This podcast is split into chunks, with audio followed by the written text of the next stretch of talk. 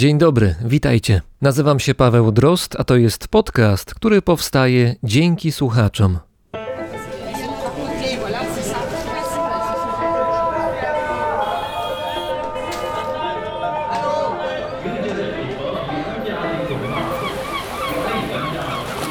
Brzmienie świata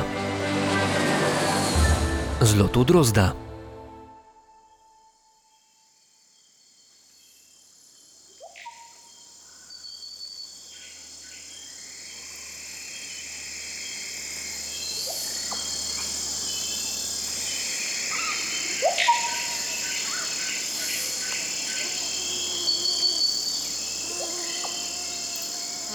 Brazylijskiej części Amazonii jest miejsce dla niezliczonych zwierząt.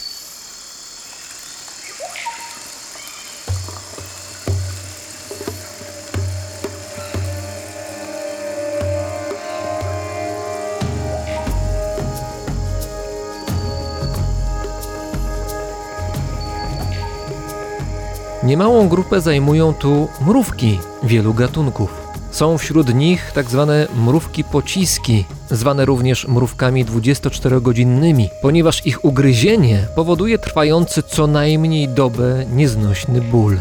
Są również mrówki, które swoimi szczękami potrafią błyskawicznie łapać inne owady pokaźnych rozmiarów. Istnieją także mrówki ogrodnicy. W swoich koloniach prowadzą plantacje grzybów, które służą im za pożywienie. Czasami jednak sytuacja jest dokładnie odwrotna. Co kilka lat badacze Amazonii odkrywają kolejne gatunki grzybów, które z powodzeniem mogłyby posłużyć za inspirację dla filmów grozy z akcją rozgrywającą się na nieznanych planetach. Grzyby te zarażają swoimi zarodnikami mrówki. Następnie namnażają się w organizmie gospodarza, aż wreszcie przejmują kontrolę nad jego ciałem. Wówczas zarażona mrówka zaczyna postępować wbrew swoim instynktom. Zamiast pozostać w bezpiecznym miejscu, odchodzi od swojego gniazda i wspina się na liście rosnących nieopodal roślin. Później wbija się w liść szczękami i zastyga w tej pozycji. W wielu przypadkach wysokość, na której ma miejsce ta scena, jest ściśle określona, czasem wręcz do centymetra, bowiem sterujący mrówką grzyb wybiera dla siebie idealne warunki klimatyczne do rozwoju. Pasożyt rozwija się w organizmie mrówki zombie, aż w końcu uśmierca ofiarę. Mrówka jest solidnie zakotwiczona w liściu, więc grzyb może bez pośpiechu wypuścić z jej ciała rodzaj łodygi, a z niej wysłać w świat kolejne zarodniki, które będą szukać następnych mrówek gospodarzy. Wyniki najnowszych badań wskazują, że sytuacja dla amazońskich mrówek zombie może być jeszcze bardziej złożona. Otóż grzyb, który przejmuje nad nimi kontrolę, może sam być zainfekowany innym grzybem pasożytniczym. Tworzy się wtedy piętrowa relacja.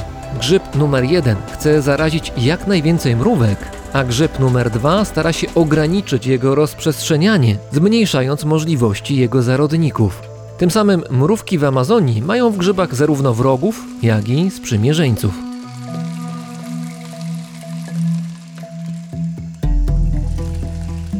Badania nad grzybami pasożytniczymi trwają. Również w Europie, nie wyłączając Polski, organizmy tego rodzaju można spotkać w naturze, jednak są one na tyle niewielkie, że trudno się na nie natknąć. Istnienie tych grzybów, podobnie jak istnienie ich kuzynów w Amazonii, nie ma wpływu na ludzi. Zupełnie inaczej rzecz ma się w tym rejonie Azji, w którym będziemy za chwilę.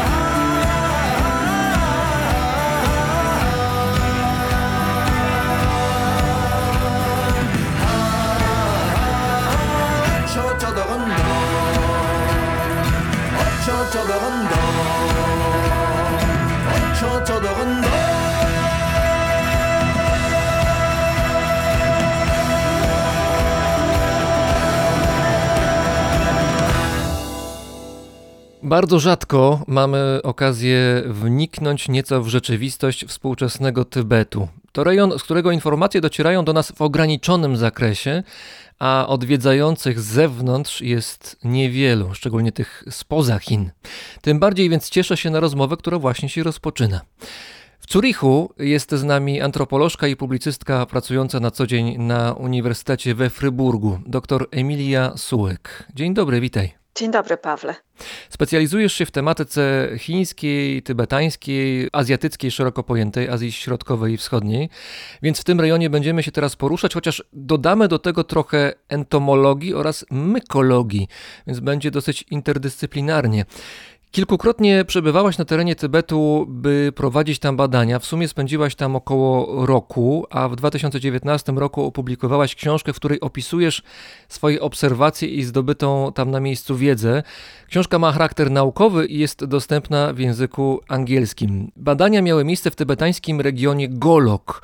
Region mało znany i wśród ludzi z zewnątrz, myślę, że nie tylko Chińczyków, to jest rejon bardzo niepopularny.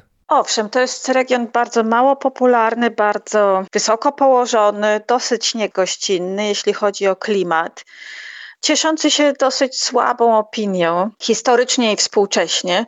To był też jeden z powodów, dla których wybrałam właśnie to miejsce na płaskowyżu tybetańskim na swoje badania. No i istotnie muszę powiedzieć, że byłam tam praktycznie rzecz biorąc jedyną osobą, jakby to określić, z Europy, ze świata zachodniego. Turyści tam nie przyjeżdżają, czasem kilkoro misjonarzy przejedzie na jakiejś krótkiej wyprawie misyjnej.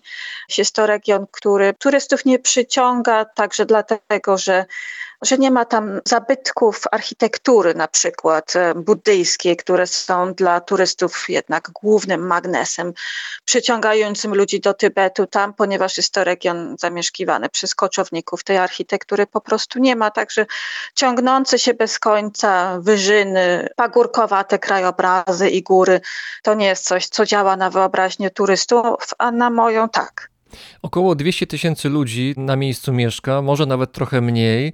I historycznie ten region nie ma też najlepszej opinii. Mhm. Uważało się i pewnie jakoś trochę ta opinia jakoś pokutuje, że to są rejony zamieszkane przez ludzi takich, no może jakoś nieokrzesanych, y, którzy mogą być niebezpieczni, więc lepiej się trzymajmy z daleka. I w ten sposób po raz pierwszy zetknęłam się z regionem, który nazywa się Golok. Otóż jeszcze w czasach, kiedy studiowałam etnologię, ale także mongolistykę i tybetologię na Uniwersytecie Warszawskim, czytałam dosyć dużo książek, które opisywały stare podróże do Tybetu. I w tych książkach co jakiś czas trafiało się na zwykle bardzo krótką wzmiankę, ale taką konkretną wzmiankę, w której autor, rzadziej autorka, pisał albo pisała, że gdzieś na horyzoncie pojawili się jeźdźcy na koniach i że to na pewno byli rozbójnicy z Goloku. Ten region e, bardzo był już w czasach historycznych utożsamiany z bandytyzmem.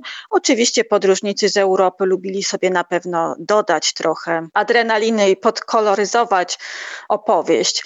To jest jedna rzecz. Druga rzecz jest taka, że rzeczywiście ludność miejscowa parała się rozbójnictwem także ale no ten pierwszy kontakt z informacjami o Goloku był czymś, co jakby podziałało na moją wyobraźnię.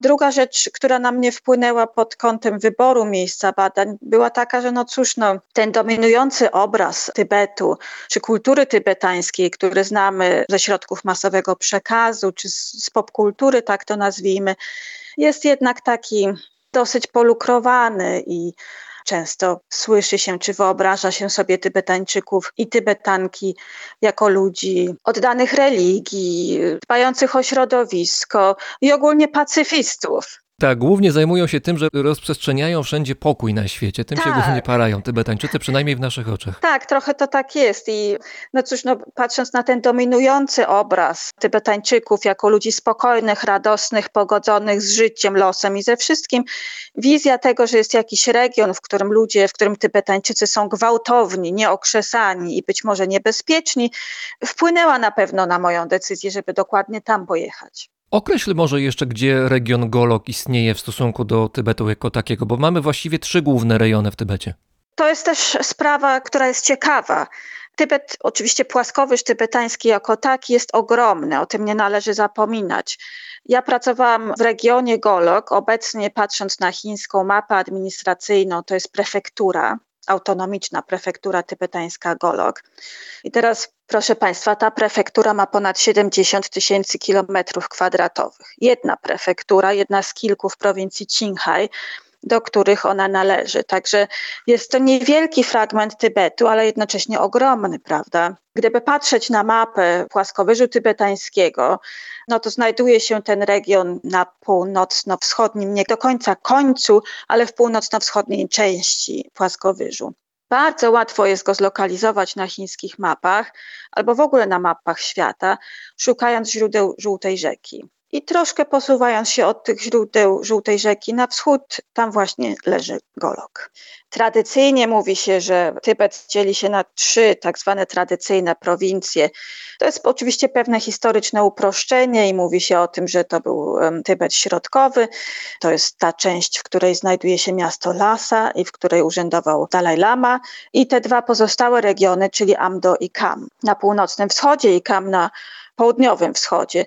Zapytałeś mnie, jak się do tego trójpodziału ma region Golok. On otóż leży pomiędzy. Miejscowa ludność twierdzi, że, że nie należy do żadnego z tych trzech. Oni nie mają z tym nic wspólnego i oni po prostu są autonomiczni i nie należą do żadnych z tych jednostek administracyjnych. Identyfikacja z miejscem, z taką małą ojczyzną jest na całym płaskowyżu tybetańskim bardzo mocna i bardzo ugruntowana. Jedno z pierwszych pytań, które człowiek dostaje w każdej konwersacji, to jest takie, skąd się jest. I na to pytanie prawidłowa odpowiedź nie brzmi, że jestem z Tybetu, tylko że no, skąd dokładnie jesteś. Także ludzie są bardzo związani z tą tak zwaną małą ojczyzną, z jakimś takim malutkim wycinkiem ziemi, skąd pochodzą. Ta tożsamość miejscowa, golocka jest niezwykle silna. Region Golok jest jednym z miejsc, które obfitują w pewien gatunek grzyba i ten grzyb był kluczowym tłem dla Twoich badań. Fachowo po polsku to się nazywa kordyceps chiński albo maczużnik chiński, ale proponuję może, żebyśmy na potrzeby naszej rozmowy używali określenia po prostu grzyb gąsienicowy. Mhm. Co to jest? Grzyb gąsienicowy to jest bardzo dziwna forma grzyba, który składa się, jak patrzą na to Tybetańczycy, z dwóch organizmów. Jarca gumpu, tak brzmi tybetańska nazwa, którą w zasadzie po polsku można by przetłumaczyć jako zimą robak, latem trawka, ponieważ dla Tybetańczyków, dla osób mówiących językiem tybetańskim, część gąsienicy ewidentnie jest jasne, że to jest tak zwany robak. Natomiast ten owocnik, który z głowy gąsienicy wyrasta, to już dla Tybetańczyka jest raczej trawka niż grzyb. Stąd ta nazwa. No i ta nazwa też pokazuje, że jest to organizm bardzo złożony, można powiedzieć taka hybryda. Otóż ten kordyceps chiński, czy też maczużnik chiński oznacza grzyba pasożytniczego, który atakuje gąsienicę pewnych gatunków, czy też gatunku ćmy zamieszkującej płaskowyż tybetański. To wszystko odbywa się w ziemi. Otóż ta gąsienica zimuje sobie pod powierzchnią gleby. Atakowana jest przez tegoż grzyba, który wybiera ją sobie jako swój organizm gościnny, że tak powiem przejmuje kontrolę nad tym organizmem, to znaczy żywi się jego tkankami i doprowadza powoli do śmierci tejże larwy, a następnie wypuszcza owocnik, który jest jedyną częścią tego organizmu widoczną na powierzchni Ziemi. Cała reszta znajduje się pod powierzchnią Ziemi i w ten sposób rozmnaża się dalej. Czyli można powiedzieć, że gąsienica staje się korzeniem tego grzyba. Gąsienica staje się takim korzeniem tego grzyba, jak najbardziej można tak powiedzieć. Całość tego organizmu wygląda no, jak nieżywa gąsienica, długości być może no, 3 do 5 centymetrów, zależy od wielkości takiego okazu całkowicie zmumifikowana. Ona ma, no widać na niej nóżki i różne inne części ciała, które normalnie gąsienica posiada, tylko że ona jest całkowicie wypełniona tkanką grzyba, znaczy się grzybnią, a z głowy tejże gąsienicy wyrasta brązowego koloru owocnik tegoż kordycepsu. Także całość tego organizmu liczy może 6-7 centymetrów długości i tak jak mówię, w połowie jest to zasuszona, twarda, nieruchoma oczywiście gąsienica, z której głowy wyrasta coś bardzo dziwnego. No, wygląda to dość kosmicznie, muszę powiedzieć, i cały ten proces życiowy tego organizmu jest też zadziwiający. Jest to gatunek w sumie dosyć mało znany, bardzo drogi, bardzo popularny na rynku chińskim, ale naukowcy spierają się cały czas co do różnych elementów tej całej historii. No właśnie, bo tutaj istotne jest to, że ten grzyb oczywiście sobie rośnie i sobie tam istnieje gdzieś w Himalajach, bo nie tylko w tym rejonie Tybetu, gdzie pracowałaś, gdzie prowadziłaś badania, ale to w ogóle w regionie Himalajów. Tam specyficzne warunki panują, w których ten grzyb może, może występować. Tam zdaje się, że wysokość musi być powyżej chyba 3 czy 4 tysięcy metrów nad poziomem morza, prawda? Musi być tak. odpowiednia wilgotność, czy właściwie jej brak i tak dalej, i tak dalej. No i teraz to sobie żyje, to sobie gdzieś tam rośnie ten grzyb, korzystając z ciała ciem. I ludzie zbierają te grzyby, ponieważ sam grzyb jest uznawany za właściwie jakiś cud medykament, który może niemal wszystko. To może wymieńmy te właściwości, które grzyb według medycyny chińskiej czy tradycyjnej medycyny ludowej miejscowej w Azji ma. No cóż, ten grzyb w zasadzie przypisuje się mu wszelkie możliwe cudowne i lecznicze właściwości. Uznawany jest on za lekarstwo na nerki, w przypadku chorych na raka. Polecany jest także po zabiegu transplantacji organów, ale jednocześnie mam całą masę banalnych dosyć takich zastosowań, czyli dla urody, dla zachowania wiecznej młodości. Sportowcy w Chinach używają go także. No i na stres, na życie w stresie. Tutaj też padają takie hasła jak himalajska Viagra, prawda? Podobno jest afrodyzjakiem ten specyfik i podnosi możliwości ludzi w sytuacjach intymnych. Owszem, i myślę, że to jest to najbardziej medialne zastosowanie maczuźnika chińskiego, które bardzo chętnie podchwytywane jest przez media. No i na pewno e, to też sprawia, że grzyb ten jest popularny. Właściwie wydawałoby się, że ów grzyb y, gąsienicowy potrafi wszystko. Nie wiem, czy tylko podatki potrafi obniżać, chociaż kto wie, może też potrafi. Wszystko mogący grzyb, który sobie rośnie wysoko w Himalajach i tam, gdzie on rośnie, mieszkają ludzie, między innymi właśnie w regionie Golok, o którym mówiliśmy na początku. I pojechałaś tam na miejsce, żeby zobaczyć, jak koegzystencja pomiędzy grzybem gąsienicowym, który tam rośnie, a ludźmi istnieje. To chodzi o taką koegzystencję, to znaczy wpływ wzajemny. Tak, ja pojechałam tam sprawdzić, jak ten grzyb wpływa na życie ludzi. Oczywiście nie w taki sposób bardzo bezpośredni, bo miejscowa ludność w zasadzie tego grzyba jako lekarstwa czy, czy produktu spożywczego, bo w takiej funkcji też tego grzyba się używa, oni w zasadzie tego grzyba nie stosują w swoim życiu. Natomiast mnie interesowało głównie to, jak ten grzyb zmienia ludzkie życie poprzez to, że jest źródłem bardzo atrakcyjnych pieniędzy. I nie bez znaczenia jest także fakt, że ten region, w którym ja pracowałam, był no, do niedawna raczej takim regionem niedofinansowanym, w którym ludzie gotówki mieli mało, w którym zajmowano się głównie hodowlą koczowniczą, hodowlą zwierząt. Z tego dochodu dużego nie było. Jednak ludność miejscowa egzystowała trochę na skraju biedy, a już na pewno na skraju gospodarki pieniężnej. I otóż tutaj nagle z, ze wzrostem popularności rynkowej tego grzyba, która to popularność w Chinach jest zjawiskiem stosunkowo nowym, nagle miejscowa ludność w tym bardzo odległym i wysoko położonym regionie stanęła przed szansą zarobienia atrakcyjnej gotówki. Można powiedzieć historyczną szansą, bo nigdy takiej szansy wcześniej nie mieli.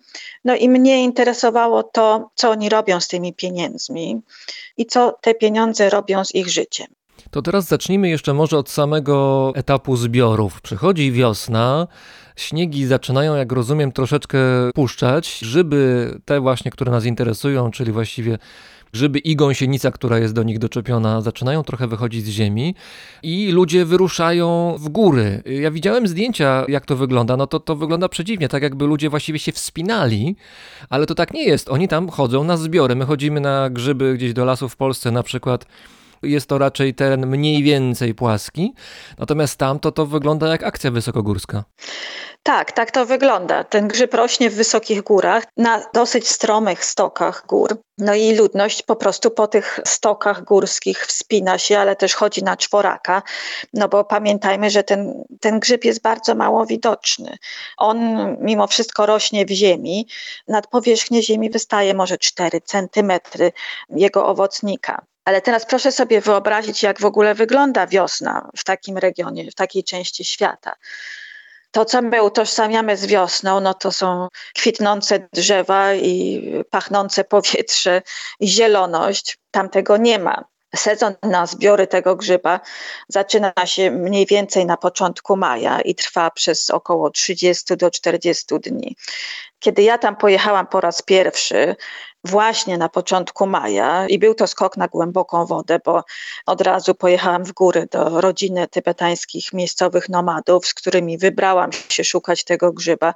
No dla mnie to było może nie aż takie całkowite zaskoczenie, ale jednak pewna niespodzianka, no bo no maj Cóż, tam oznacza, że śniegu już nie ma albo prawie nie ma, ale zieloności jeszcze wcale nie krajobraz jest w zasadzie taki, jakby usunąć z niego warstwy śniegu. Wszystko jest brązowe, zasuszone z zeszłego sezonu. No i w tej brązowości, pokrytej jakąś starą, zeszłoroczną trawą, szuka się tej przysłowiowej igły w stogu siana.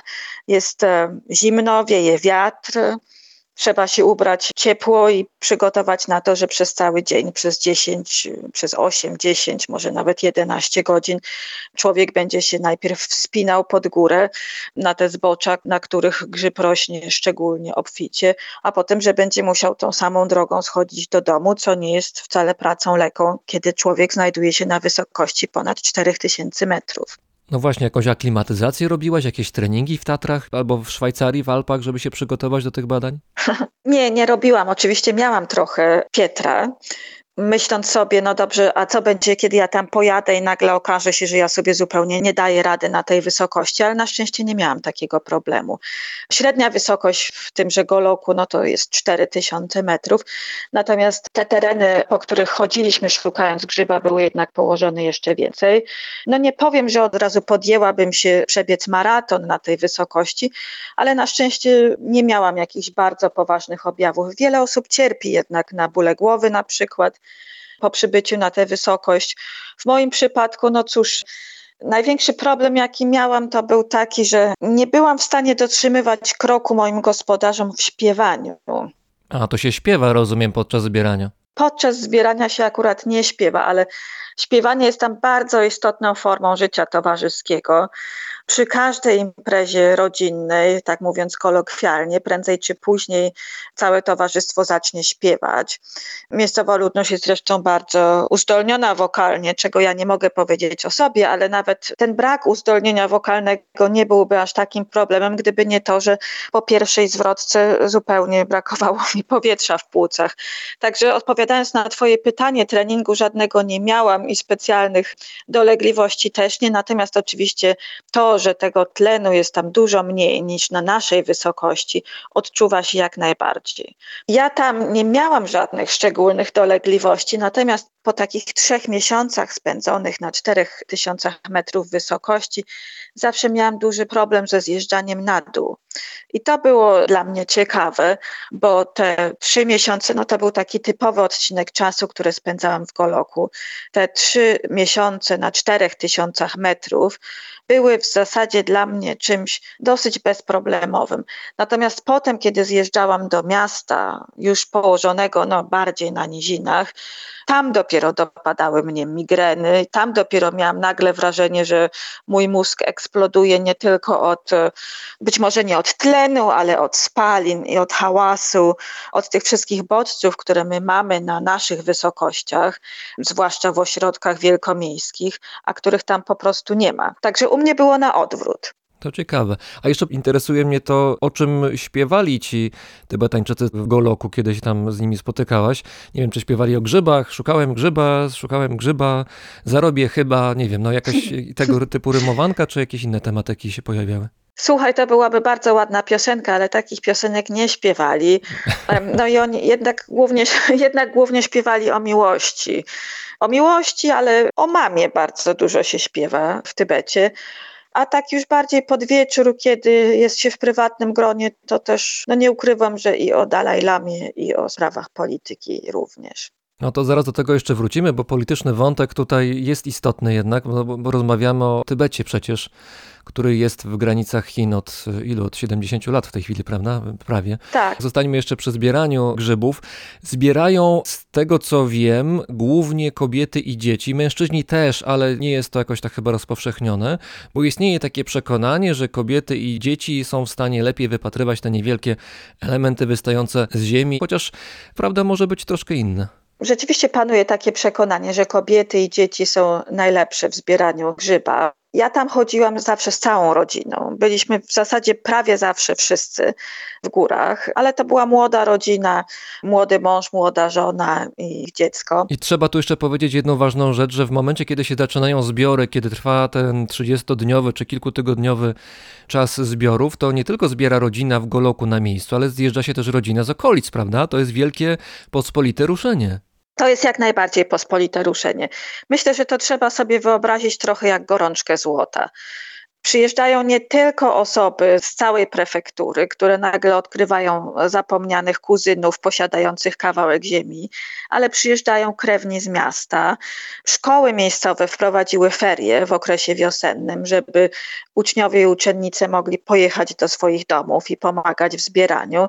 Także nagle góry, te dosyć no, rzadko zamieszkałe góry, zaczynają tętnić życiem. Tłumy, no może bez przesady tłumy, ale jednak masa ludzi ludzi przewala się przez ten region. Nie tylko zresztą Tybetańczycy przyjeżdżają zbierać grzyba i prawdopodobnie do tego wrócimy później w naszej rozmowie, ale także ludność, która jest nietybetańska i która jest w stanie zapłacić miejscowym nomadom za prawo zbierania grzyba na ich terytoriach. pytanie Twoje, czy to jest tak, że mężczyźni zbierają, czy nie zbierają. Mężczyźni oczywiście również zbierają, ale być może mają mniejszą motywację do tego, żeby tak bezwzględnie poświęcić się tej pracy. Dla kobiet ten cały boom na maczuźnika chińskiego jest bardzo atrakcyjny o tyle, że no cóż, kobiety jako takie w tamtym społeczeństwie mają mało okazji, żeby zarobić pieniądze. Kobieta w Goloku nie ma bardzo niskiej pozycji społecznej. Często mówi się o tym, że w społeczeństwach koczowniczych kobieta jest wyżej postawiona, czy też bardziej autonomiczna niż w społeczeństwach zajmujących się gospodarką osiadłą, rolniczą, ale ta kobieta w Goloku głównie zajmuje się pracą dookoła domu, a ta praca nie przynosi jej gotówki jako takiej. A no w dzisiejszych czasach posiadanie gotówki jest rzeczą dosyć istotną i wiąże się jak najbardziej z pozycją społeczną i pewnego rodzaju władzą. Gotówka daje człowiekowi sprawczość, także z tego powodu kobiety są bardzo zainteresowane tym, żeby, żeby te grzyby zbierać. Pamiętajmy również o tym, że ten grzyb jest organizmem bardzo malutkim. Czyli wyobraźmy sobie, że chodzimy, czy też wspinamy się albo na czworakach leziemy przez te stoki górskie i kiedy już coś znajdziemy, ten niewielki kawałek owocnika, który wystaje z ziemi, wykopujemy go zgrabnie taką metalową motyką, a następnie czyścimy z tej ziemi, którą gąsienica jest pokryta i chowamy grzyba do kieszeni. Zważywszy, że grzyb jest ten niewielki, bardzo łatwo jest też go schować. Ja bardzo często obserwowałam, że osoby, którym towarzyszyłam w zbieraniu, miały taki system dwukieszeniowy, tak to nazwijmy, czyli grzyby, które były przeznaczone jako dochód z gospodarstwa domowego czy rodziny, powiedzmy wędrowały do kieszeni po lewej stronie kurtki, a te, które były bardziej prywatne, być może też utrzymywane w tajemnicy, wędrowały do kieszeni po przeciwnej stronie. No i przez to, że ten grzyb jest po prostu rzeczą bardzo malutką, dobrze, łatwo jest go schować, a potem bez przyciągania uwagi całej rodziny zawieźć do miasta i sprzedać i w ten sposób wygenerować dla siebie trochę dodatkowej gotówki. Dlatego tak muszę powiedzieć, że zauważyłam, że, że kobiety i no, można powiedzieć też młodzież w wieku nastoletnim była szczególnie zainteresowana zbieraniem i miała też szczególne osiągnięcia w porównaniu do mężczyzn, z którymi pracowałam. I myślę, że to wiąże się z tym, można by powiedzieć po angielsku empowerment, który wiąże się z tą gospodarką i który no, na pewno wpływa na, na pewne przetasowania pod względem ważności tego, kto w społeczeństwie się liczy, a kto liczy się mniej. Także z jednej strony fakt, że trochę tego grzyba można było zachować dla siebie w tajemnicy, a z drugiej strony fakt, że zarabiało się jednak potężne pieniądze dla rodziny, na pewno wpływa na poprawę pozycji społecznej kobiet w tamtym społeczeństwie. I tutaj oczyma wyobraźni widzę polskich nastolatków, którzy tłumnie jesienią wyruszają do polskich lasów, żeby zbierać borowiki i podgrzybki i mają lewą kieszeń i prawą. I, I, dzięki temu sobie zarabiają na to, żeby potem, nie wiem, sobie nowy telefon kupić na przykład. Dobrze, ale jeszcze gdybyś powiedziała, jak to wygląda na stoku, no bo zbierałaś te grzyby razem z ludźmi, też tak. przyglądałaś się, jak to wygląda. Czy tam jest konkurencja, konkurencja między rodzinami, nie wiem, grupami wioskowymi, czy no, jest trochę konkurencja też indywidualna z tego, co powiedziałaś, no bo to zbieramy dla rodziny, a ale też odrobinkę dla siebie do kieszeni prawej. Czy konkurencja jakoś jest widoczna na stoku? Konkurencja jest trochę widoczna na stoku, ale rodziny miejscowe zbierają oczywiście na terytoriach, które należą do nich. Może powinnam wyjaśnić od razu, że ziemia w Chinach oczywiście nie jest własnością prywatną, ale miejscowa ludność posiada kontrakt na dzierżawę tej ziemi i miejscowi nomadzi pracują na ziemi, na której normalnie wypasają swoje zwierzęta. Oczywiście to są olbrzymie połacie ziemi, tego nie muszę dodawać. Co do innych zbieraczy, tych, którzy są napływowi, sprawa wygląda już trochę inaczej. I tutaj rzeczywiście zaobserwować można nie tyle nawet konkurencję, co po prostu otwarte konflikty. Ludność napływowa często wchodzi we współpracę z miejscowymi nomadami, płaci im za to, żeby no, mogli przez te półtora miesiąca okresu zbiorów przebywać w górach i zbierać grzyba. Natomiast oprócz tego są jeszcze grupy ludności napływowej, które takiej współpracy z miejscowymi rodzinami nie chcą. Być może nie stać ich na to, żeby zapłacić opłatę za zbieranie grzyba, a może po prostu chcą obejść jakoś to niepisane prawo, że, że jednak miejscowej rodzinie się za możliwość zbierania płaci. No i między tymi grupami dochodzi już do bardzo otwartych konfliktów i czasami do, do konfliktów, no nawet takich dosyć gwałtownych, powiedziałabym. No wszyscy mają motyki w ręce, więc jest też broń do wykorzystania, jak rozumiem.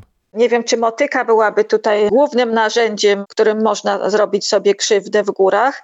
Na pewno warto dodać, że to są czasami konflikty no, między grupami, które są już poniekąd nawet zorganizowane. Tutaj rozumiem, że mówisz o takich zawodowych zbieraczach, którzy mają jakąś strukturę wewnętrzną, grupowo przyjeżdżają na miejsce z zewnątrz do Goloku, no i tam prowadzą zbiory.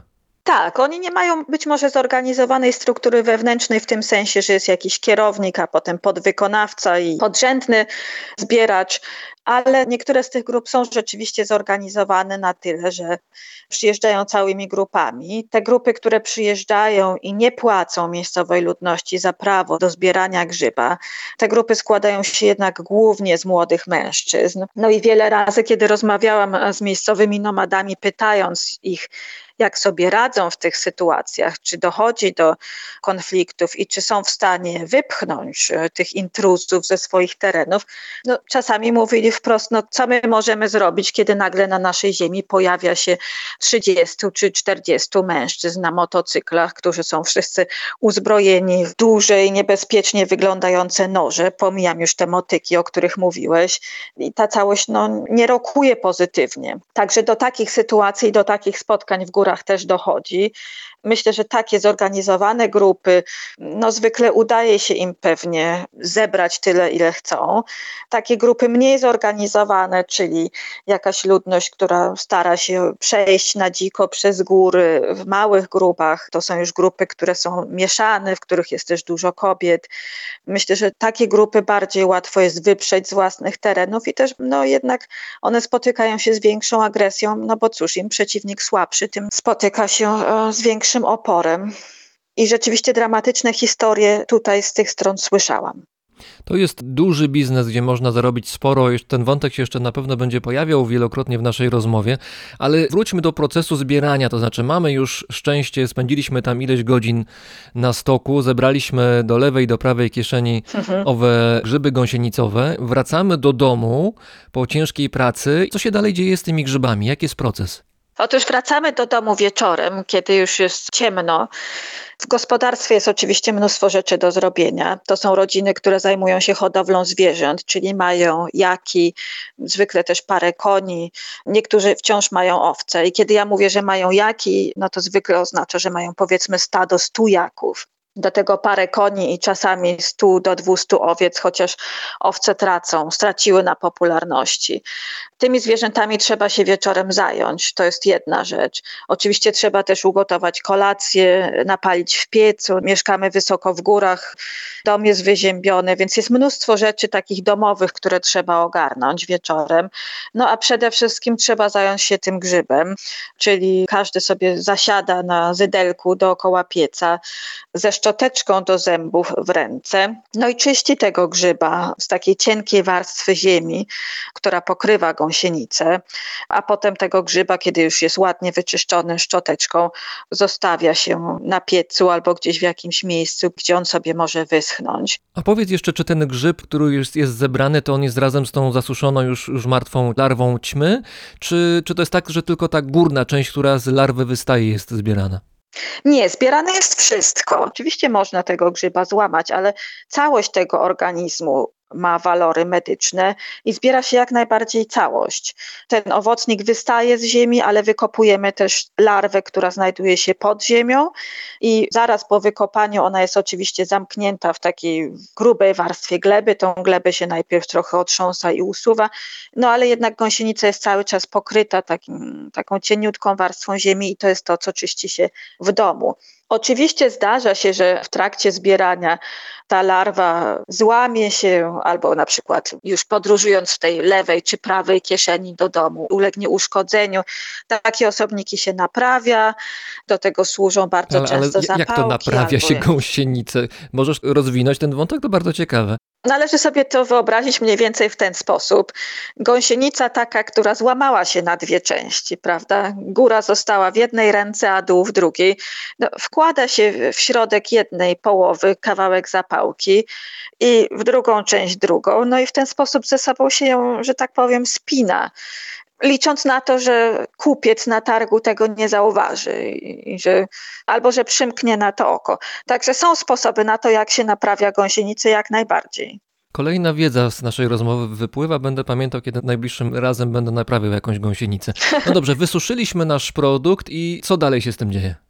Wysuszyliśmy nasz produkt albo żeśmy go nie wysuszyli. Otóż jeśli chcielibyśmy sprzedać tego grzyba od razu na targu, na przykład następnego dnia, piękne, takie okazałe osobniki potrafią osiągać atrakcyjne ceny, więc zdarza się, że jeśli potrzebujesz szybko gotówki na jakiś szczególny cel, to wybierzesz kilka okazałych takich grzybów do tego, żeby zawieźć je na targ już następnego dnia. Wtedy nie zostawiasz ich na piecu, żeby wyschły sobie na wiórek, tylko zawijasz je w namoczony papier toaletowy i przez to ten grzyb do następnego dnia zachowa świeżość i będzie wyglądał jak dopiero co zebrany albo nowy i wtedy zawozisz go na targ następnego dnia. Natomiast pozostałe grzyby po prostu suszy się, a następnie przechowuje w jakimś woreczku szmacianym, w pudełku po butach, w plastikowej torbie i one czekają sobie na to, aż któregoś dnia już większa ilość tych grzybów zostanie zawieziona na targ. To już bez pośpiechu i już na kilogramy. Całość tego jest w ogóle, tak jak się śmiałeś, z naprawiania gąsienicy za pomocą zapałki albo wykałaczki. Całość tego zajęcia jest w ogóle dosyć zabawna, a już na pewno interesująca, przez to, że wiele przedmiotów używanych w tym całym procederze jest takich zapożyczonych z różnego rodzaju innych zastosowań. Motyka jest być może najbardziej pasującym elementem tej układanki, ale trudno się nie uśmiechnąć, widząc, że stara szczoteczka do zębów jest najlepszym, uważana za najlepsze narzędzie do czyszczenia gąsienicy. Najbardziej pewnie by się uśmiechnął właściciel tej szczoteczki, który nie wie o tym, że właśnie jego szczoteczka została wykorzystana do jakiegoś czyszczenia. Właśnie nie sprawdzałam, czy tymi samymi szczoteczkami potem myje się, człowiek myje sobie zęby. Ja dostałam szczoteczkę od gospodarzy, także nie musiałam używać do tego celu swojej. Zapałki czy wykałaczki do naprawiania gąsienicy, twój ulubiony temat. Tak. Natomiast jako torebka do przechowywania gąsienic czy też grzybów przynoszonych z pastwiska, tu bardzo popularne były takie torebki po chińskich zupkach jednorazowych, których no, w Chinach jest oczywiście zatrzęsienie i które są bardzo praktyczne, no bo niewielka torebka, dosyć mocna. Karton po butach do przechowywania wysuszonych grzybów. Także widać ludność, która przyjeżdża na targ obładowaną kartonami po butach na przykład, których właśnie podróżuje ileś kilogramów grzyba. Porozmawiajmy o pieniądzach. Ile można na tym zarobić? Bo mówiłaś o tym, że te świeże grzyby gąsienicowe, które się przynosi na targ następnego dnia po zbiorach, one mogą osiągać dosyć wysokie ceny. To może nie na juany to przeliczajmy, tylko na, na to, ile za sprzedaż takiego dorodnego okazu jestem w stanie kupić na przykład, nie wiem, obiadów w lokalnej restauracji, albo jakoś to przełóżmy na, na warunki życiowe na miejscu. Trudno powiedzieć teraz o takich konkretach dotyczących ile obiadów w restauracji. Te ceny się oczywiście zmieniają zarówno po stronie grzyba, jak i restauracji, ale sprzedaż już takich dwóch, czterech, one są takie dobre okazy, jakoś tak dziwnie ludzie sprzeda lubią sprzedawać je w parach, no potrafią zapłacić za dobry obiad w porządnej knajpie. Znacznie większe dochody oczywiście uzyskuje się no, rzecz jasna sprzedając grzyba na kilogramy i myślę, że tutaj jest raczej klucz do zrozumienia tej lukratywności całego biznesu. Grzyb ten jest w Chinach bardzo drogi, ale on jest drogi nawet nie na tym końcu commodity chain, gdzie to konsument kupuje go w sprzedaży detalicznej w jakiejś niewielkiej ilości, którą zamierza spożyć dla celów poprawy urody, zdrowia albo funkcji seksualnych. Ten grzyb jest też bardzo drogi na samym początku, czyli w tym momencie, kiedy zbieracz przywozi go na targ. W czasie, kiedy ja prowadziłam badania do swojej książki, pół kilograma, bo grzyby sprzedaje się nie tylko grzyby, ale podstawową jednostką miary jest pół kilograma. Pół kilograma wysuszonego grzyba dobrej jakości w tamtych czasach, w przeliczeniu na polskie warunki, był w stanie osiągać 40 tysięcy złotych. To bardzo wysoko. To są pieniądze bardzo atrakcyjne, rzecz jasna, nie tylko dla nomadów w Goloku, ale także no, myślę, że gdyby te prawdziwki w Polsce osiągały taką cenę, to rzeczywiście wszyscy rzucaliby się jeszcze bardziej do lasu, żeby je zbierać. Nie wiem, czy można jeszcze bardziej w warunkach polskich, bo jak przychodzi jesień i jest sezon, to lasy są pełne i ostatnim razem jak szukałem grzybów, zresztą podczas nagrania z jedną z moich rozmówczyń, to mieliśmy problem, żeby cokolwiek znaleźć. Ewidentnie watachy grzybiarzy przeszły już przez las. No tam też oczywiście można mówić o watachach grzybiarzy, no i słysząc, ile można na tych grzybach zarobić, człowiek myślę zaczyna rozumieć, skąd się te watachy biorą i zaczyna rozumieć, że to jest naprawdę zjawisko bardzo przypominające gorączkę złota, bo no cóż, nie potrzebujesz jakiegoś szczególnego ekwipunku, jakichś bardzo skomplikowanych narzędzi, no tak jak to przy zbieraniu grzybów. Oczywiście potrzebujesz pewnego rodzaju sprawności fizycznej, żeby poruszać się w tym terenie, no i dobry wzrok też by się na pewno przydał. Ale no to jest takie zajęcie, które w zasadzie stoi otworem dla wszystkich, można by powiedzieć, podobnie jak z tymi naszymi prawdziwkami, tylko tego grzyba w Tybecie trochę widać mniej i trudniej go znaleźć, no ale pieniądze są to naprawdę ogromne. Powiedz, jaka jest dostępność tych grzybów na stokach, bo to trochę brzmi tak, że każdy, kto przyjedzie na miejsce i ma mniej więcej wprawne oko i wprawną rękę oraz trochę kondycji fizycznej, jest w stanie swoje uzbierać i potem z konkretnymi pieniędzmi wrócić do domu. Ale czy to jest tak, że, że wszyscy, którzy tam ruszają w góry w sezonie, wszyscy wracają z grzybami? Czy to jednak tak jest, że jak to z grzybami, że trzeba wiedzieć gdzie, jak, trzeba mieć doświadczenie, tu kolega koledzy podpowie, ktoś zna rejony? No niektórzy wracają oczywiście z pustymi rękami, to jest prawda. Grzybów rośnie na płaskowyżu tybetańskim ogromna ilość. W Chinach oficjalne statystyki mówią między 100 a 200 ton tego grzyba zbiera się co roku. Nie pytaj mnie teraz skąd się bierze różnica między 100 a 200 ton, bo jest to jednak różnica kolosalna, ale no niemniej jednak już samo to, już sam fakt, że mówimy tutaj o setkach, wskazuje na to, że tego grzyba jest tam mnóstwo. Ale oczywiście grzyb ten nie rośnie wszędzie i to jest trochę podchwytliwe, zwłaszcza dla osób, które się mało na tym znają. Miejscowa ludność albo ma większe, albo mniejsze szczęście, na przykład posiada akurat taki kawałek ziemi, gdzie ten grzyb występuje w większych ilościach. To skutkuje pewnymi różnicami, w tym no, ten sąsiad zarabia więcej, a tamten mniej. Ale są też takie okolice, w których grzyb ten na przykład nie rośnie wcale. Nawet w Goloku takie miejsca się zdarzają. Na tym najłatwiej się jest, mówiąc kolokwialnie, przejechać. Otóż zwłaszcza taki zbieracz przyjeżdżający z innej części Chin, który jest w stanie zapłacić miejscowemu koczownikowi za to, żeby mógł zbierać na należącej do niego ziemi, no czasami ma tego pecha, że trafi na kogoś, kto jest nieuczciwy i sprzeda ci prawo do zbierania grzyba na ziemiach, na których ten grzyb w ogóle nie rośnie, albo rośnie w bardzo minimalnej ilości, albo ma złą jakość. No i wtedy niestety oczywiście na tym więcej stracisz niż zarobisz i to potrafi być bolesne w czasie sezonu zbiorów w miasteczkach Goloku. Wiele razy widziałam takich osobników, którzy no, zapijali smutki gdzieś w barze, którzy otwarcie mówili o tym, że no, wdepnęli w interes, po którym oczekiwali dużo więcej czyli zainwestowali sporo gotówki w to, żeby wynająć sobie ten kawałek ziemi. Płaci się za to z góry, czyli musieli przygotować gotówkę wcześniej, wyłożyć przed sezonem, licząc na to, że im się to zwróci dziesięciokrotnie, a tymczasem okazywało się, że zebrali niewiele albo w ogóle nic.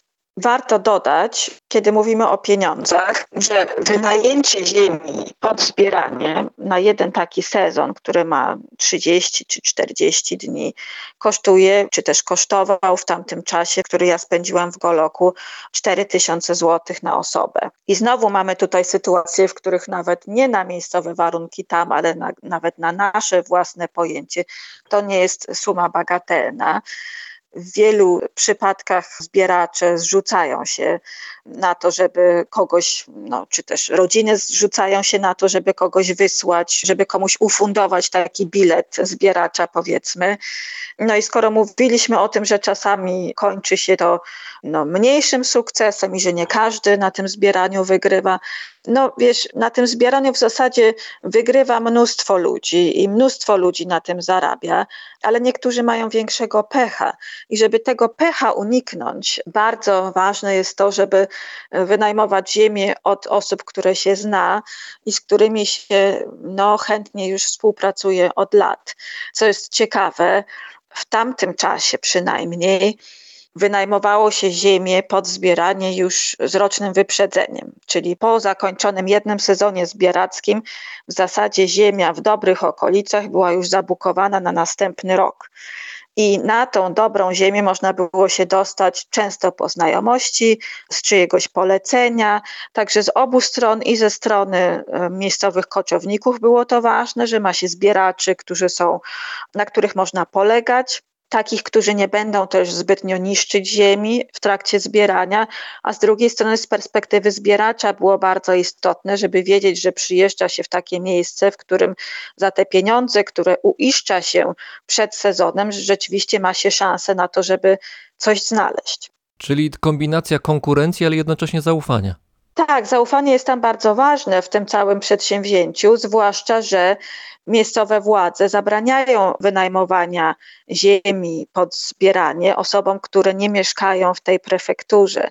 Czyli zaufanie jest nie tylko ważne z tego względu, że człowiek wie, że coś znajdzie i że ta inwestycja przyniesie jakiś zysk, ale jest także pewien tego, że, że uda mu się przejechać przez punkty kontrolne. Na drogach ustawione są policyjne punkty kontrolne wiosną, które mają na celu sprawdzanie, czy ludność Niegolocka wjeżdża do prefektury i z jakiego powodu i czy ma prawo w czasie sezonu zbiorów w prefekturze przebywać. Więc jeśli wynajmujesz ziemię u zaufanego człowieka, no to możesz być pewien, że ten człowiek pomoże ci przejechać przez takie punkty kontrolne. Być może zapłaci łapówka, być może ma kuzyna, który pracuje na takim posterunku kontrolnym. No i że masz pewnego rodzaju, no nie tyle opiekę prawną, tak bym tego nie nazwała, ale powiedzmy opiekę przed prawem, czyli że będziesz mógł spędzić te półtora miesiąca w górach, nie będąc nękanym przez najazdy policji. Twoja praca będzie upływać w jakichś takich bezpiecznych warunkach.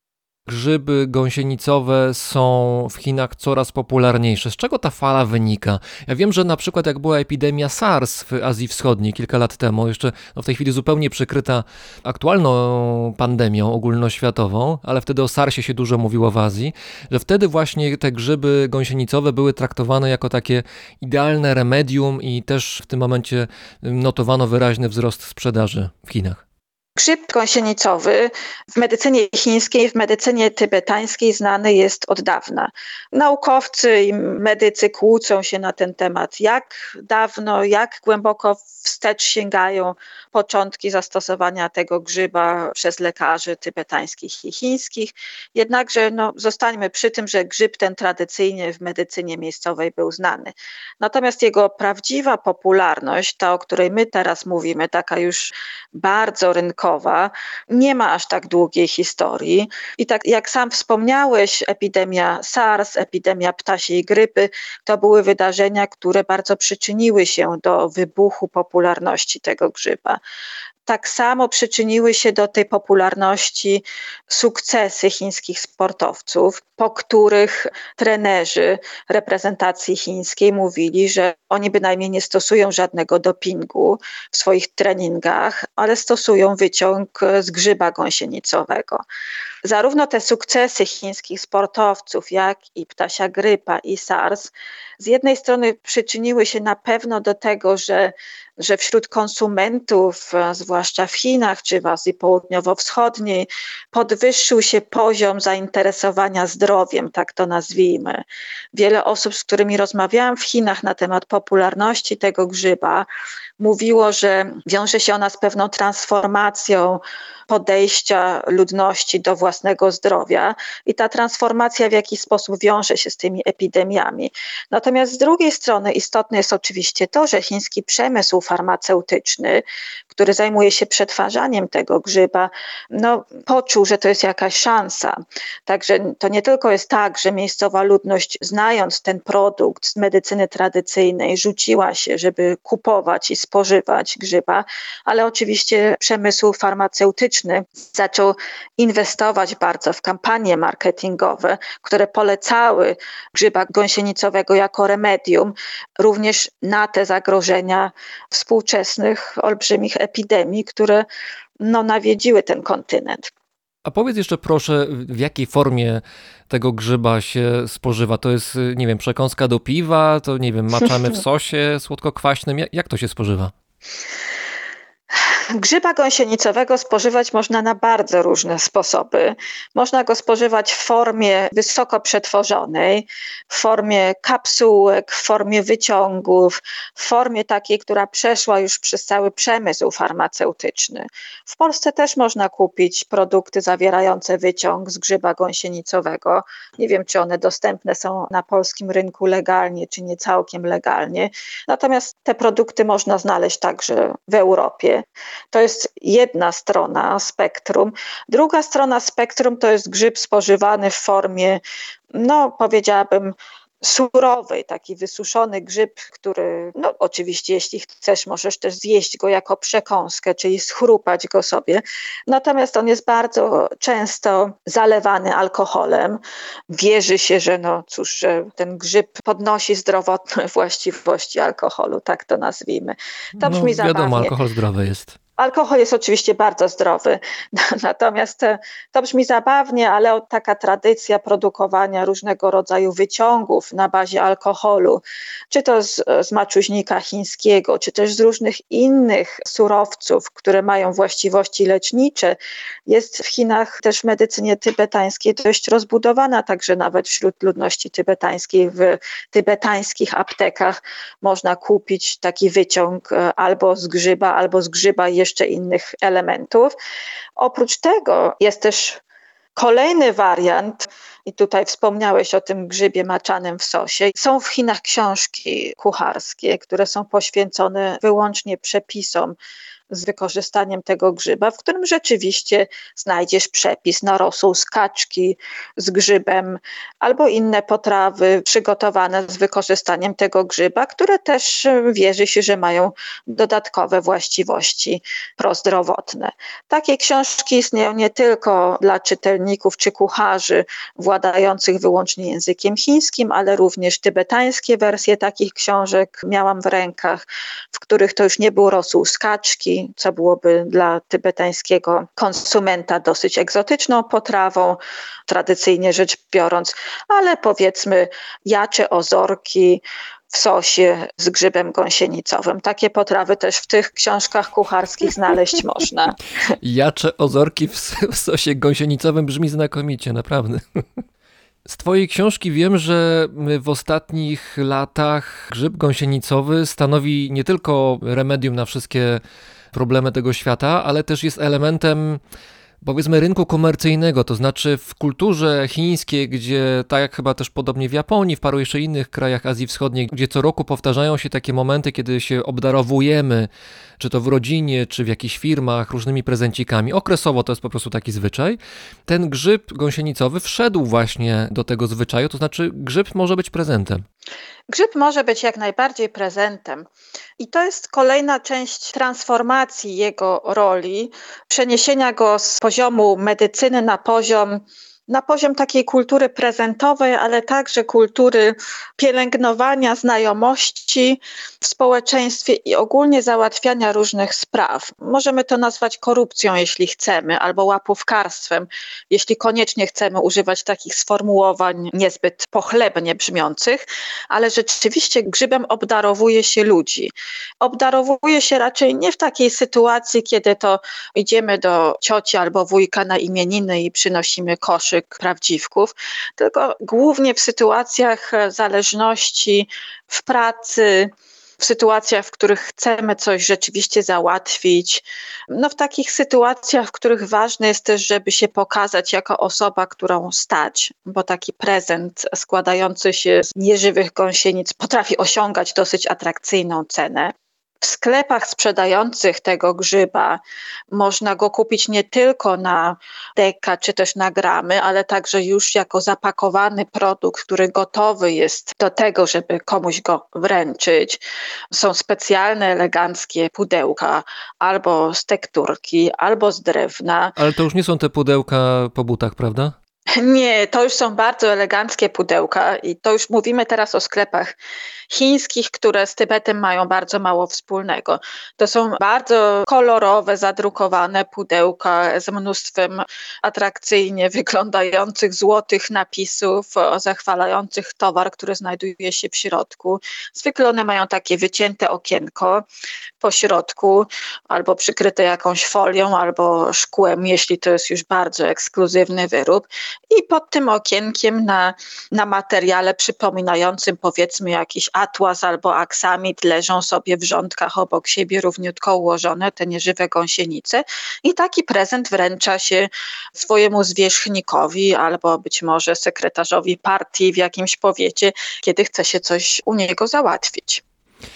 To jest wielki biznes, który zmienia nie tylko Chiny jako takie, ale też Tybet. I jeszcze zanim o tym, to chciałbym powiedzieć, że w związku z tym, że w grę wchodzą pieniądze, istnieją już próby, czy nie wiem, czy one się zakończyły sukcesem, czy nie, ale zdaje się, że tak, żeby móc produkować grzyby gąsienicowe na zasadzie, no właśnie, produkcji. To znaczy nie, że zbieramy na stokach w pocie czoła przez te wiele godzin w sezonie grzyby w Himalajach, tylko mamy fabrykę i grzyb rośnie. Tak, w Chinach podejmowane są takie próby. Próby wyhodowania tego grzyba w warunkach laboratoryjnych na skalę przemysłową, tak to nazwijmy. Te próby już trwają od lat 50. Ja miałam okazję prowadzić wywiad w 2009 bodajże roku z bardzo wiekowym profesorem, który był jednym z pierwszych ekspertów podejmujących w Chinach próby wyhodowania tego grzyba w sztucznych warunkach laboratoryjnych. On był sceptyczny, jeśli chodzi o szanse osiągnięcia tutaj jakichś wymiernych sukcesów. W Chinach na rynku jest przynajmniej kilka znanych mi firm, które twierdzą, że są w stanie grzyba tego w warunkach sztucznych wyprodukować. Ale pytanie jest oczywiście, jakim kosztem i w jakich ilościach. On, tenże wiekowy bardzo pan profesor, mówił, że w ogóle ogarnięcie, że tak powiem, kolokwialnie, biologii tego grzyba w chińskich laboratoriach jest rzeczą niezwykle trudną i bardzo czasochłonną. Ja prowadziłam z nim wywiad, będąc u niego w domu. I mój rozmówca poszedł w pewnym momencie do lodówki, jak się okazało, i z tej lodówki przyniósł taką tackę, czy też takie płaskie pudełko przypominające na nasze warunki pudełko po czekoladkach. I w tymże pudełku on przechowywał przyklejone okazy grzyba, które udało mu się własnoręcznie wyhodować. No nie było tego wiele. On twierdził również, otwarcie powiedział, że on uważa, że, że te zapewnienia medialne, obecnie działających na rynku firm, które twierdzą, że osiągają sukcesy w tej materii, on twierdził, że to należy bardzo do tego sceptycznie podchodzić, bo po pierwsze to bardzo drogo kosztuje, to jedno, a po drugie, no nigdy nawet firmy, które osiągają sukcesy, nie będą w stanie produkować grzyba tyle, żeby zaspokoić apetyt chińskich konsumentów. No jeśli mówimy o 100 do 200 tonach, no to jest jednak ambitny plan, ale próby takie jak najbardziej są w Chinach podejmowane. I grzyby gąsienicowe trafiają na rynek chiński nie tylko z Tybetu, z himalajskich e, regionów, tam gdzie ten grzyb może rosnąć, ale też z innych części himalajskich właśnie, pewnie z Nepalu, z Butanu, z Indii. Tak, grzyb, o czym nie wspomnieliśmy do tej pory, ten grzyb jest gatunkiem endemicznym, który występuje wyłącznie na obszarach płaskowyżu tybetańskiego i Himalajów. Główne jego obszary występowania i ten najlepszy grzyb rośnie jednak na płaskowyżu tybetańskim, ale w Himalajach znaleźć go też można w Butanie, w Nepalu i w niektórych rejonach Indii i również w tych trzech krajach, nie tylko w Chinach, jest on zbierany. To jest też sprawa ciekawa, Nepalu, w Butanie, powiedzmy, czy w Indiach, teren jest też inny. Mówiliśmy o tym, że zbierając tego grzyba w Goloku trzeba było się wspinać na zbocza górskie, ale jednak był to teren nie aż tak bardzo wymagający. Ludność, która zbiera tego grzyba w Nepalu czy w Butanie, bardzo często w ogóle musi opuszczać swoje osady na cały okres zbiorów i przenosi się w wysokie góry, no bo to są jednak tereny, gdzie góry są znacznie bardziej strome i, rzeźba terenu jest zupełnie inna. Także zbieracze w tych krajach mają e, jeszcze więcej przeszkód do pokonania. Zresztą w tych krajach e, kontrola nad zbieraniem grzyba, kontrola państwa nad zbieraniem grzyba jest dużo bardziej efektywna niż w Chinach. Zbieracze muszą wnosić opłaty, są ograniczenia dotyczące tego, ile można sprzedać grzyba. To jest poddane znacznie większej kontroli, ale oczywiście zważywszy, że no cóż, kraje te mają wspólną granicę z Chinami, dużo tego grzyba podróżuje bezpośrednio przez granicę, a i tak dane liczbowe z tych krajów wskazują, że nawet oficjalnymi kanałami większość z zebranego tam grzyba i tak trafia do Chin. Nieważne czy drogą legalną, czy nielegalną, to jednak chiński rynek zasysa ogromną ilość tego produktu. Doszliśmy teraz do bardzo ważnego wątku naszej rozmowy. Skoro handel grzybami gąsienicowymi kwitnie, skoro są z tego pieniądze i te pieniądze trafiają do kieszeni pasterzy czy właścicieli terenów, na których w Goloku te grzyby rosną, to musi to mieć duży wpływ na te społeczeństwa jako takie. Jaki to jest wpływ, o jakiej skali i co się zmieniło i co się zmienia w dalszym ciągu? To było główne pytanie, które zadawałam sobie w trakcie moich badań. Co się zmienia i jaki to ma związek z tą gospodarką grzybową, czy też z tym boomem grzybowym? Fakt, że miejscowa ludność po raz pierwszy w swojej historii ma szansę zarobić atrakcyjne pieniądze, oczywiście wpływa na życie w bardzo różnoraki sposób. Cóż, w dzisiejszych czasach, i to nieważne, czy mówimy o Polsce, Szwajcarii, czy o Chinach, bez gotówki żyć jest trudno. Gotówka jest potrzebna po to, żeby pójść do lekarza, żeby wysłać dzieci do szkoły. No te czasy społeczeństwa tradycyjnego, tak nazwijmy to w cudzysłowie, które było w stanie zorganizować swoje życie bezgotówkowo, no niestety minęły dla nomadów tybetańskich raczej bezpowrotnie. No i żyjąc, że tak powiem, będąc wepchniętym w ten świat, opierającym się na obrocie gotówkowym, a jednocześnie nie mając gotówki, oczywiście delegował tę ludność do pozycji kogoś, kto no, wegetował gdzieś na marginesie gospodarki państwowej, czy też gospodarki całego regionu.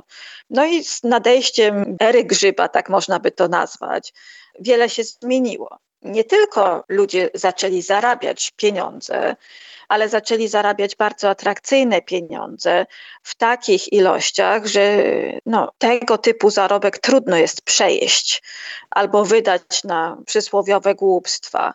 Ludzie zarabiają tam pieniądze, które w zasadzie umożliwiają im już podejmowanie bardziej poważnych decyzji dotyczących ich życia to, co ja zaobserwowałam w trakcie swoich badań, to na przykład, że miejscowi nomadzi zarobione na grzybie pieniądze inwestują w poprawę standardu swojego życia.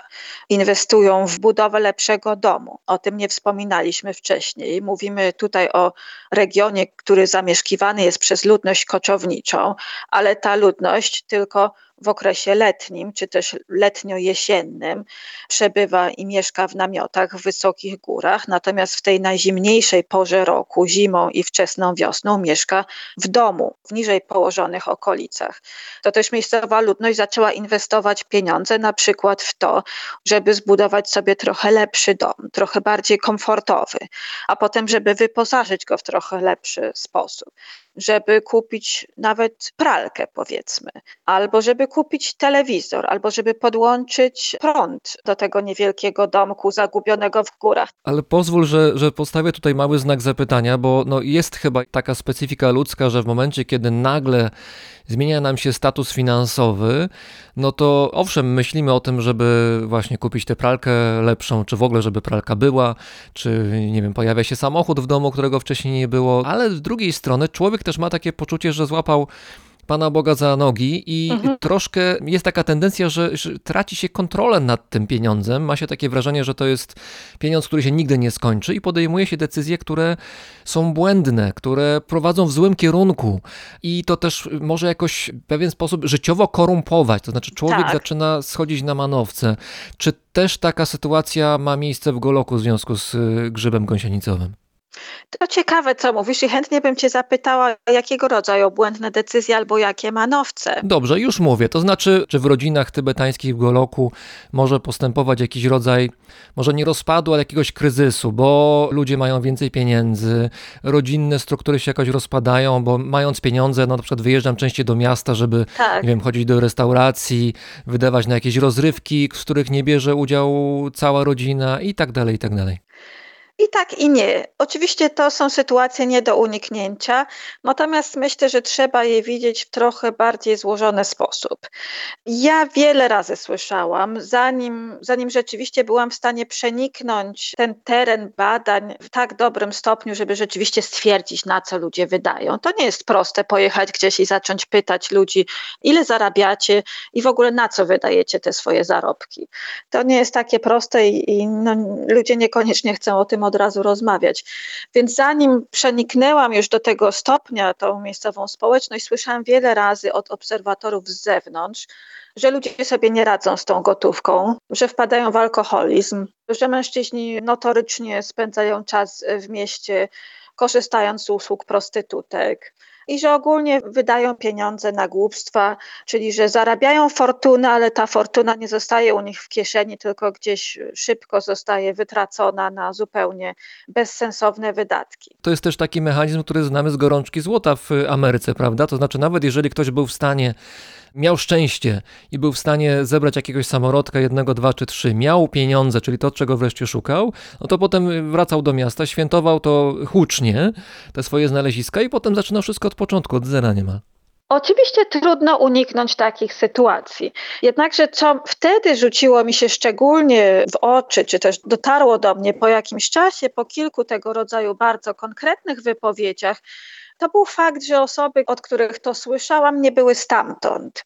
Nie były nomadami. Były powiedzmy, był to mnich buddyjski albo intelektualista z miasta, było w tym trochę takiego podejścia pobłażliwego, które zakładało, że miejscowa ludność, ta, która mieszka w górach, która jest mniej wyedukowana, mniej obyta ze światem i z pieniędzmi też. Że oni są przytłoczeni tą sytuacją, że sobie nie poradzą. Tak, że sobie nie poradzą, że, są, że nie umieją się obchodzić z pieniędzmi i że ta fortuna szybko gdzieś zostanie wydana na, na niepotrzebne rzeczy. Ja oczywiście nie mówię, że, że do tego nie dochodzi, jakkolwiek no, muszę przyznać, że w swoich badaniach jednak i podczas swoich pobytów tam, no jednak nie widziałam jakichś hord pijanych nomadów, którzy przetaczali się przez miejscowe miasteczka, nagabując chińskie prostytutki.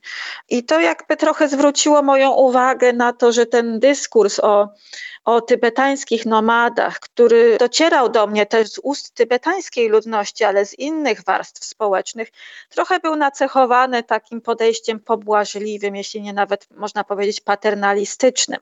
Mnie bardziej interesowała zmiana pozytywna, czy też zmiana, która prowadziła do jakiejś transformacji krajobrazu i form życia w miejscowym społeczeństwie. Natomiast to, o czym wspomniałeś o rozpadzie rodziny, myślę, że coś takiego prawdopodobnie można zaobserwować. Nie wiem, czy nazwałabym to rozpadem rodziny. Prowadząc wywiady na przykład z astrologami, ja prowadziłam wywiady z tak kolosalną liczbą ludzi i tak różnych profesji, że tutaj przy haśle wywiad z astrologiem możesz się uśmiechnąć. Ja również prowadziłam wywiady z astrologami. Uśmiecham się, nie słychać, ale uśmiecham się. Uś, uśmiechaj się. Astrolog jest bardzo ważnym zawodem w tej części świata. Do astrologa chodzi się po to, żeby się dowiedzieć, czy warto kupić samochód takiej czy innej marki, albo czy jeśli człowiek chory, to należy pójść do szpitala chińskiego czy tybetańskiego, albo na jaki kierunek studiów pójść jak zainwestować pieniądze, albo no bardzo klasyczna historia, czy ten pan powinien się ożenić z tą panią i vice versa.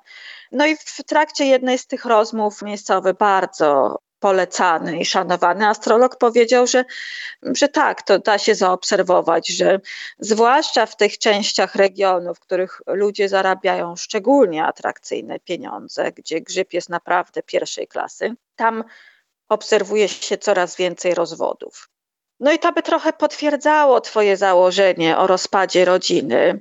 Tylko, że patrząc na to z innej perspektywy, można uznać, że jest to raczej objaw, być może raczej objaw tego, na przykład, że kobiety w tym społeczeństwie osiągają większą sprawczość i są w stanie szybciej, dajmy na to, wychodzić z relacji małżeńskich, które na przykład im nie odpowiadają. Być może nie były w stanie tego robić wcześniej. Być może ta gotówka daje pewnym ludziom w społeczeństwie większą autonomię i większą władzę w podejmowaniu decyzji o swoim losie. A może jest też tak, że w przypadku małżeństw, które są na przykład aranżowane przez rodziców, taka para, która łatwiej zarabia na życie, jest mniej zależna od swojej rodziny, jest w stanie łatwiej podjąć decyzję o tym, że teraz się jednak rozchodzimy. Także trochę to potwierdza Twoje założenie, tylko że to można widzieć pod różnym kątem. Prowadziłeś badania w Goloku i bardzo mnie ciekawi, jak udało Ci się pracować, no było nie było w Tybecie, czyli miejscu, gdzie chińskie służby czy policja bardzo kontrolują i przepływ informacji, i przepływ ludzi. No, nie można tam sobie od tak po prostu wjechać, jeżeli jesteś człowiekiem z zewnątrz. Wjechać oczywiście można, tylko że trzeba się zarejestrować na posterunku policji, zameldować swój pobyt i podać adres, pod którym się jest zameldowanym. No a po drugie, nie można tak sobie po prostu prowadzić badań terenowych gdziekolwiek się chce. To było rzecz jasna sporym wyzwaniem dla mnie, bo ja całe badania, o których przeczytać można w mojej książce, prowadziłam bez oficjalnego pozwolenia na prowadzenie badań jako turystka. To wyjaśnia też trochę, dlaczego moje badania podzielone były na krótsze odcinki czasowe. To było częściowo związane z charakterem wizy turystycznej. W tamtym czasie, teraz to już w ogóle w czasach obecnej pandemii, wyjazdy do Chin są rzeczą niemalże niemożliwą. Nie tylko dla badaczy, ale i dla turystów. Natomiast wtedy badania etnograficzne, antropologiczne na płaskowyżu tybetańskim, no jednak kwitły. To był taki dobry okres w antropologii Tybetu. W zasadzie 99% osób pracowało wtedy na wizach turystycznych. O tym się mówi rzadko, ale no takie są fakty. I ja rzeczywiście całe te badania przepracowałam na wizie turystycznej, unikając kłopotów, nie powiem bojąc się kłopotów, ale skutecznie ich unikając. I dumna jestem z tego, że, że udało mi się dociągnąć je do końca. Było wiele momentów, w których obawiałam się tego, co będzie dalej i czy jakieś miejscowe urzędy nie zaczną się bardziej interesować moją działalnością. A od któregoś momentu w zasadzie byłam już pewna, że, że teraz to już jest z górki, że wszyscy na pewno uważają, że jestem kuzynką jakiegoś bonza w strukturach partyjnych z jakiegoś większego miasta i że w zasadzie nie należy mnie ruszać, bo na pewno mam plecy.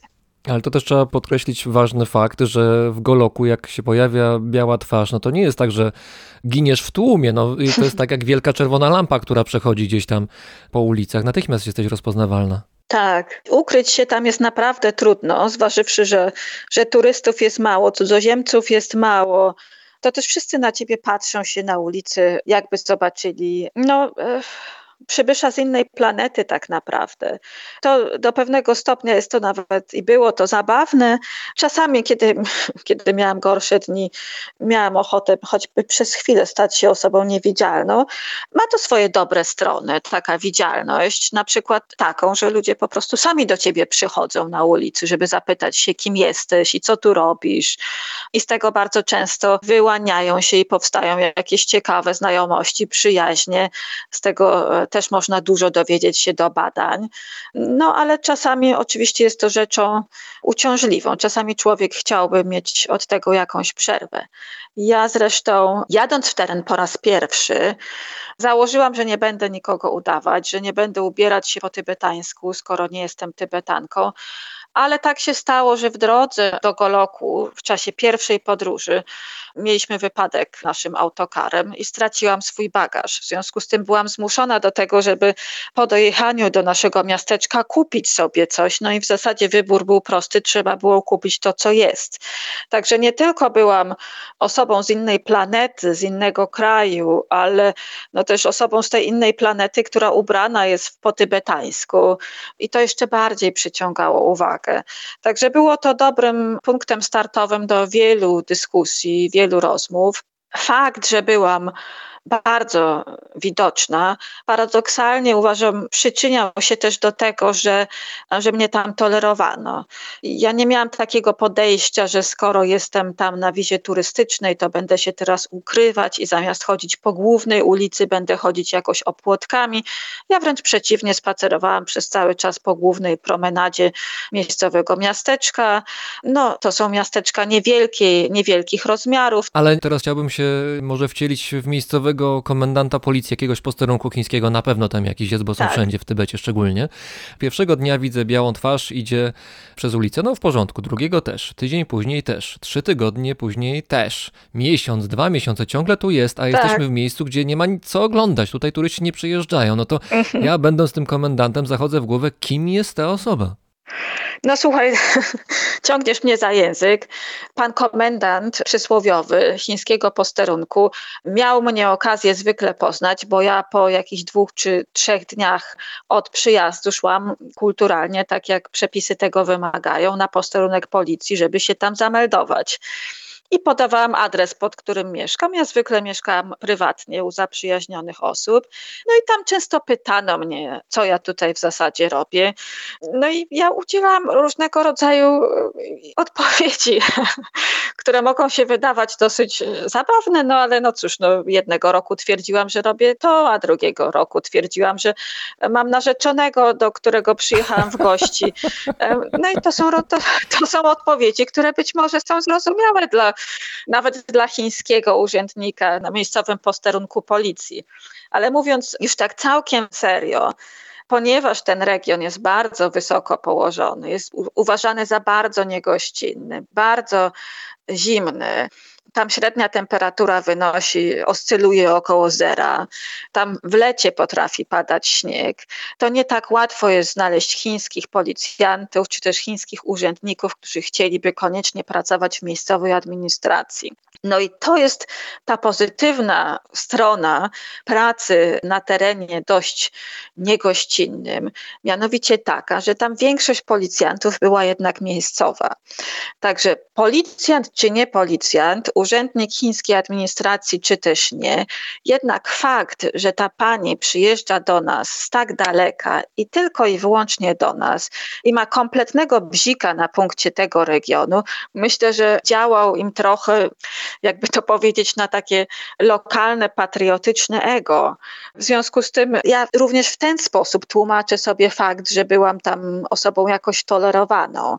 Z jednej strony się nie ukrywałam, z drugiej strony twierdziłam wszem i wobec, że z całego Tybetu interesuje mnie tylko ta jego część i jakoś myślę, że musiałam być w tym przekonująca na swój sposób.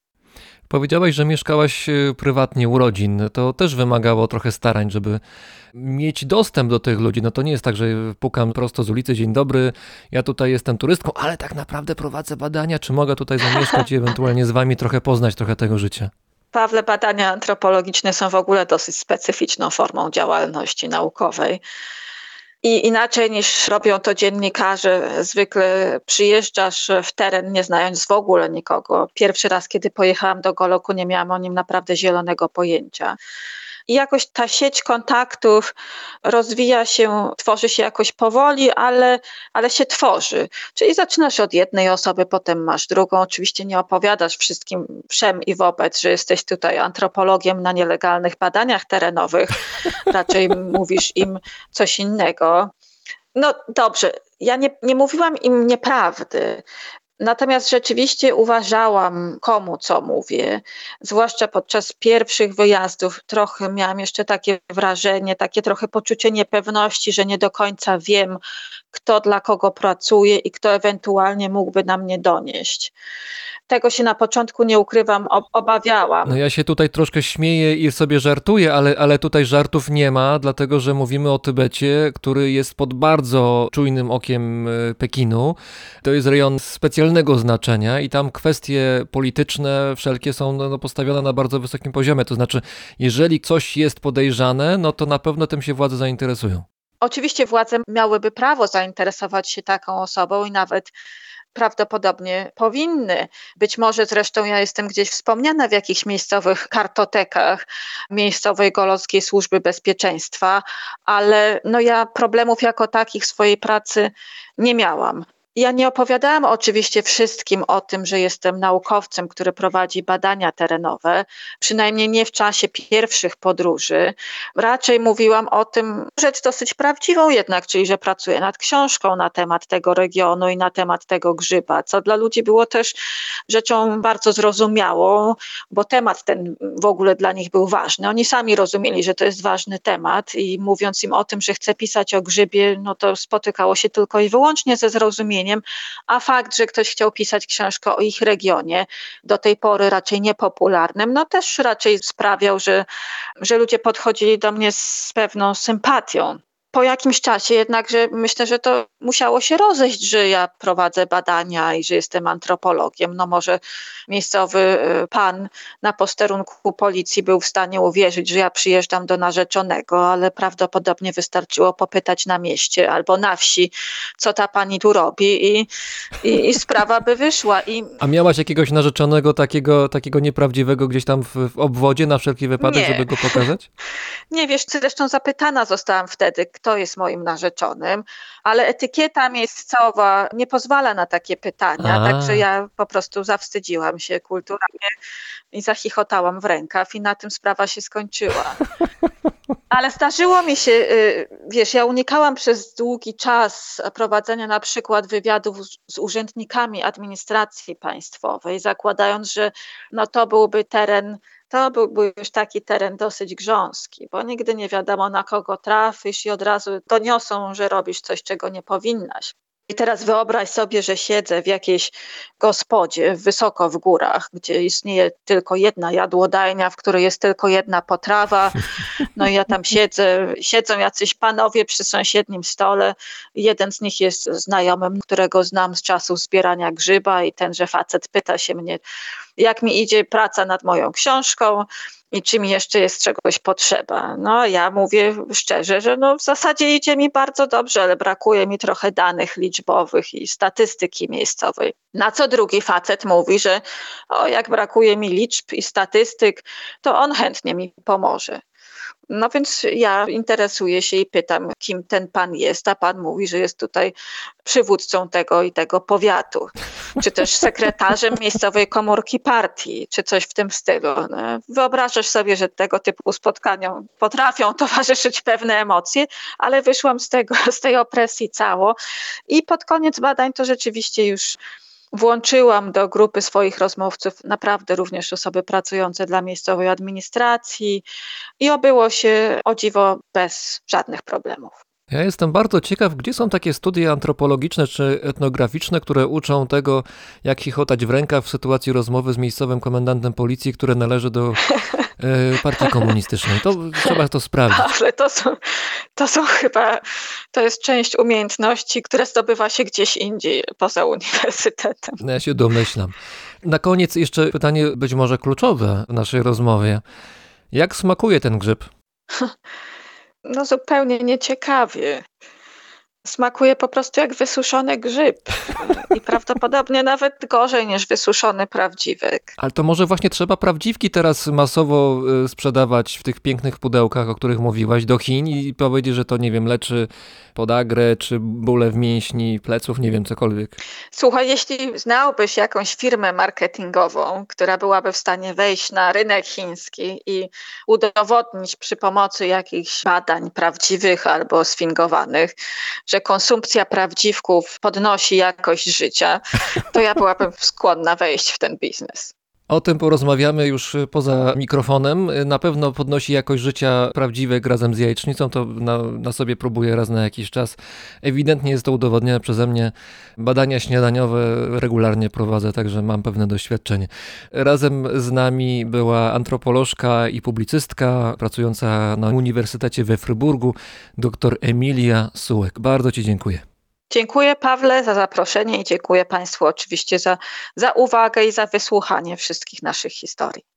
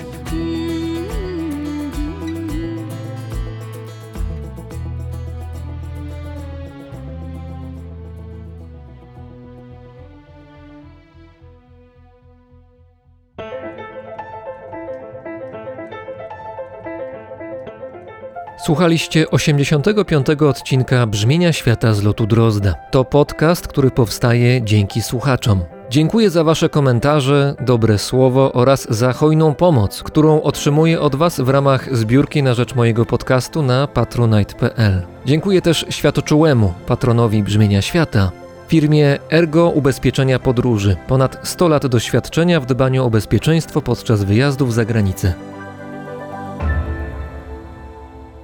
Paweł Drozd, czyli ja, mówi Wam dobrego dnia.